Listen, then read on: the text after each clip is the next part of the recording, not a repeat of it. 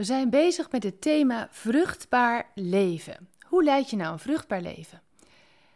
En vandaag denk ik met je na over spreek uit wat je gelooft. Dat. Mijn zoon liep met een gebogen hoofd door het huis. Hé, hey, wat is er vriend? vroeg ik hem. Oh, niks. Kijk, dat werkt bij mij niet hoor. Niks zegt niks. Dat kan niet. Zo rondlopen en dan er is niks. Nou, wat is er joh? Ach, nou ja, dat lukt toch niet. En ineens kwam er een heel verhaal. Jeremia werd door God geroepen, maar hij liet zijn schouders hangen. Net zoals mijn zoon.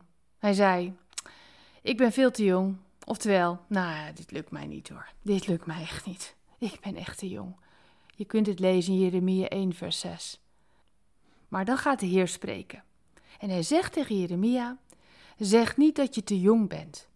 Je zal gaan naar de mensen naar wie ik je stuur.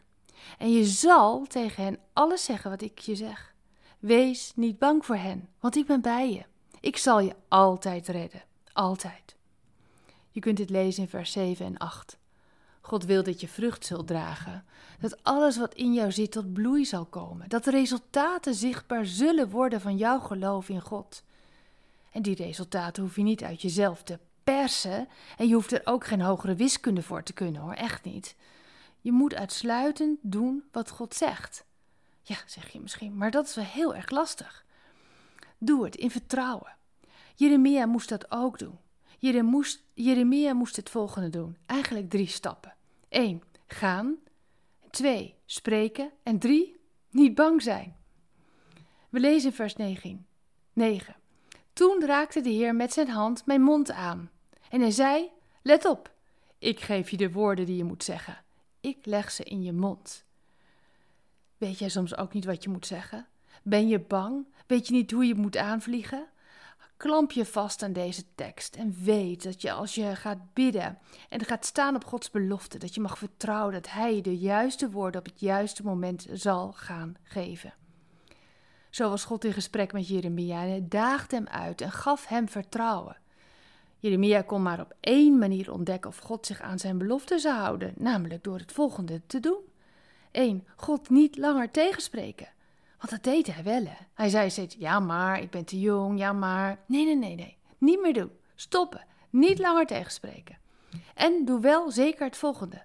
Ga Gods woord uitspreken. En nu jij, en nu ik.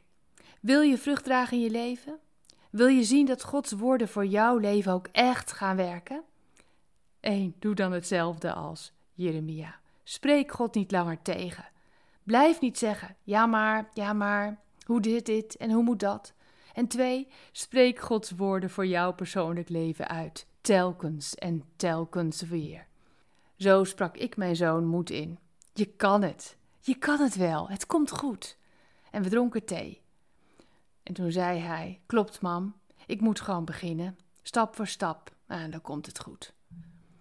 Samenvattend kunnen we zeggen: je leidt een vruchtbaar leven als je gaat uitspreken wat je gelooft. Bedankt voor het luisteren naar Ik Wonder Jou. Hebben de woorden je hart geraakt en de teksten je geïnspireerd? Gun ook anderen Ik Wonder Jou.